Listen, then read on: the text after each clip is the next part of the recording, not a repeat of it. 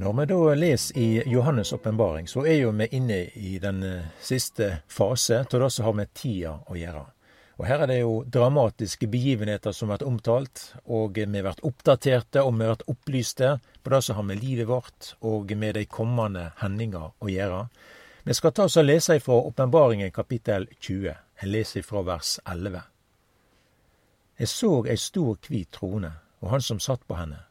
Jorda og himmelen kvar for åsynet hans, og det vart ikkje funnet nokon stad for dei. Og eg så dei døde, små og store, stå for Gud, og bøker vart åpna og eg så i anna bok, som en livsens bok vart åpna. Dei døde vart dømde etter det som var skrevet i bøkene, etter gjerningane sine. Havet gav att dei døde som var i det, og døden og dødsriket gav fra seg dei døde som var i dei. Og dei vart dømde, kvar etter gjerningane sine, og døden og dødsriket vart kasta i eldsjøen. Dette er den andre døden, eldsjøen og dersom nokon ikkje fant skreven i livsens bok, vart han kasta i eldsjøen. Og det er under det som vert lese her. Her vert det halde en dom. Ingen er utelukka. Her er det alle dei som ikkje har tatt imot Guds frelse. Her er det ingen protester. Nådens tid er slutt. Det er ingen som tek ordet eller innlegg eller med appell eller kommentarer. Det som vi leser her i Romerbrevet 3 av vers 19, at vi veit at alt det som lova sier, det taler hun til dei som er under lova. Så kvar munn skal verte attleten, og heile verden vert skuldig for Gud. Og her er små og store. Ingen er utelukka på noen måte. Alle dei som havet har teke, vert ført fram. Alle dei som har strødd aske på havet, vel, havet skal gi dei tilbake. Og for dei som måtte være i dødsriket, her er dørene åpne. Det er ingen alternativ for det som her skjer, enn vert ført fram for den store, kvite trone. Og det som dømmes her, etter, er etter sine gjerninger.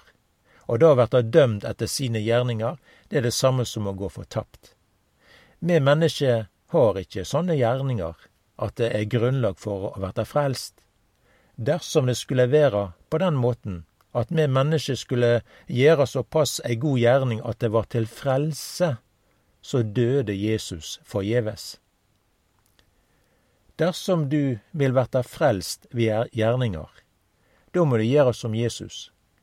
Da må du gå tilbake oss 4000 år i historien, med profetier som skildrer detaljert om livet ditt, om hvem som er foreldra dine, hvor du skal vekse opp, hva for en nasjonalitet du skal ha, ditt utsjående, hvor tid du skal verta født, og hvor henne dette skal skje henne. Heile ditt liv må seiast og skildrast på førhand, detaljert, og når du vert født, så må det skje med deg alt det som da er vore sagt på førhand, alt må være rett. Heile ditt liv må være i samsvar med det som er sagt mange hundre år og tusen år i førvegen. Du må verta født av ei jomfru. Og gjennom heile din oppvekst og liv korkje gjere en syndig handling, og enda meir tenkje en syndig tanke. Det handlar dei om gjerningane du gjør, at det ikkje må ha motiv av egoisme. Alt det du gjør, tenker, ordene og handlingane, det må samsvare med det som er sagt. Ditt indre liv er samsvar også med det ytre. Sjøl om du aldri har gjort noe som skulle være årsak til fordømmelse, er det likevel det du vært dømt for. Du dør på et kors og tek en annen manns og persons dom på deg. I døden møter du døden, og døden må gi deg rett på at du er en rettferdig person, og at døden ikke har noe rett på deg, og etter tre dager så tar du livet tilbake og står opp. Jeg bare spør, er det noen som kan gjøre det på denne måten her? Nei, like lite som at dette kan skje, like lite er det verta frelst ved gjerninger. Det einaste håpet er han som sa det på denne måten her, eg er veien, og sanninga og livet. Ingen kjem til Faderen uten ved meg. Det er Jesus. Og det er Jesus han har gjort det som var umulig, både for lova og for oss mennesker. Likevel er det mennesker som forkaster det som Jesus har gjort. De sier nei til Guds frelse. De tror at de skal gjøre det så mye greiere sjølve. Disse mennesker har vært til alle tider, og disse menneskene står for den hvite trone. Og det blir halv en dom, og det er da ut ifra deres egne gjerninger. Det er ulike dommer som er omtalt i Bibelen da. Og De er forskjellige, og jeg tror at det kan være nyttig å vite hva som skjer for den enkelte domstol, som Bibelen skildrer. Vi kan til dømes lese det som Jesus omtaler i Matteus 25, og jeg leser litt ifra vers 31 her.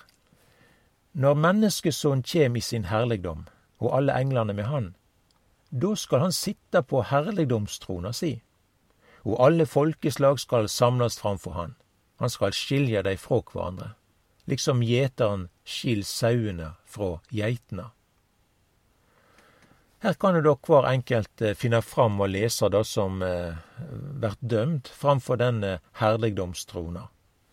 Men vi kan også legge merke til at det er en forskjell på det som her blir sagt og dømt i denne saken, Forskjell på det som da har med den hvite trone, og det som har med menneskesønnens eh, herligdomstrone. Når vi da leser i Matteus 25, når menneskesønnen kjem i sin herligdom og alle englene med han, så har det sammenheng med når Jesus kjem som konge. Eh, det blir eh, streka under her at det er kongen som dømer. Det kjem fram her i vers 34, for eksempel. Da skal kongen seie til dei attmed eh, høgresida si, kom hit, det som er velsigna av far min, Erv det riket som er etterlatt dykk fra været vart grunnlagt. Vi kan òg ta med vers 40, for eksempel, med strek under det, at det er kongen. Kongen skal svare og seie til dei, sannelig seier dykk, at alt det de gjorde mot en av disse minste eh, mine, eller mi, mi, brødrene, det gjorde det imot meg. Og her er dommeren da omtalt som en konge. Det er menneskesønnen som er omtalt på denne måten her, han er ein konge. Og det er ikke vanskelig å forstå at dette gjelder Jesus. Han er kongenes konge. Og Jeg kan også ta og lese litt mer her det som ble sagt her i dommen. Det er da de som er på den venstre sida og den høyre sida. Det står videre der i vers 32. Og alle folkeslag skal samles framfor han. Han skal skille dem fra hverandre, liksom gjeteren skiller sauene fra geitene. Han skal sette sauene ved høyresida si og geitene ved den venstre. Da skal kongen seie til dei attmed høyresida si, kom hit, det som er velsigna av far min, erv det riket som er etterlatt dykk fra været vart grunnlagd. For jeg var sulten, og de ga meg mat, jeg var tørst, og de ga meg å drikke, jeg var framann, og de tok imot meg, jeg var naken, og de kledde meg, jeg var sjuk, og de så til meg, jeg var i fengsel, og de kom til meg. Da skal de rettferdige svare han og seie, Herre, når så vi deg sulten og gav deg mat, eller tørste og gav deg drikke? Når så vi deg framann og tok imot deg, eller naken og gav deg klede? Når så vi deg sjuk eller i fengsel og kom til deg? Og kongen skal svare og seie til deg, sanne sier dykk, alt det du gjorde mot ein av disse minste brødrene mine, det gjorde det imot meg. Så her blir det da det motsatte sagt da, til de som går til den venstre sida. De gav de ikke glede, osv. Vi kan sjå nærmere på eh, nær sagt på dette her med å bli frelst ved gjerninger. Har det, har det noe å gjøre eh, i den sammenhengen her? Altså dette her med å gi et glass vann eller kle opp en som er naken, og dele ut mat osv. Ja, alt dette her det er fine og gode tiltak. Men vi må ikke blande sammen det som har med den hvite trone, og det som har med dommen for menneskesonens trone å gjøre. Dommen for den store, hvite trone er den siste dom. Og da, når vi leser her i Matteus 25, så har det sammenheng da når Jesus kjem igjen. Det er en dom ved hans gjenkomst. Og vi sier også da i trosvedkjenninga at Jesus skal komme att og dømme levende og døde. Men denne domshandlingen har med folkeslag å gjøre. Den har ikke noe med frelse og himmelen å gjøre sånn. For Guds frelse har ikke med våre gjerninger å gjøre, og heller ikke noe med å gjøre om hva nasjonaltilhørighet eller folkeslag en tilhører. Jeg skal ta og lese hva som er sagt til de som måtte stå stå på den venstre sida her, da, i Matteus 25. Jeg leser ifra vers 41. Så skal han si til de på den venstre sida, gå bort fra meg, det bannstøtte, til den evige elden, som er etterlatt djevelen og englene hans. For jeg var sulten, og de ga meg ikke mat. Jeg var tørst, og de ga meg ikke å drikke. Jeg var framann, og de tok ikke imot meg. Jeg var naken, og de kledde meg ikke. Jeg var sjuk og i fengsel, og de så ikke til meg.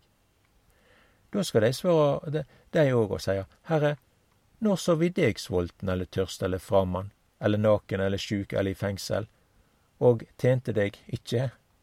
Da skal han svare si til deg, sannelig seier jeg dykk, det det ikke gjorde mot ein av disse minste, det har det heller ikke gjort imot meg. Og disse skal gå bort til evig pine, men er rettferdige til evig liv. Herre, hvem er det som har fått klær og mat, og hvem er det som ikke har fått det? Jesus omtaler i begge disse anledningene her mine minste brødre.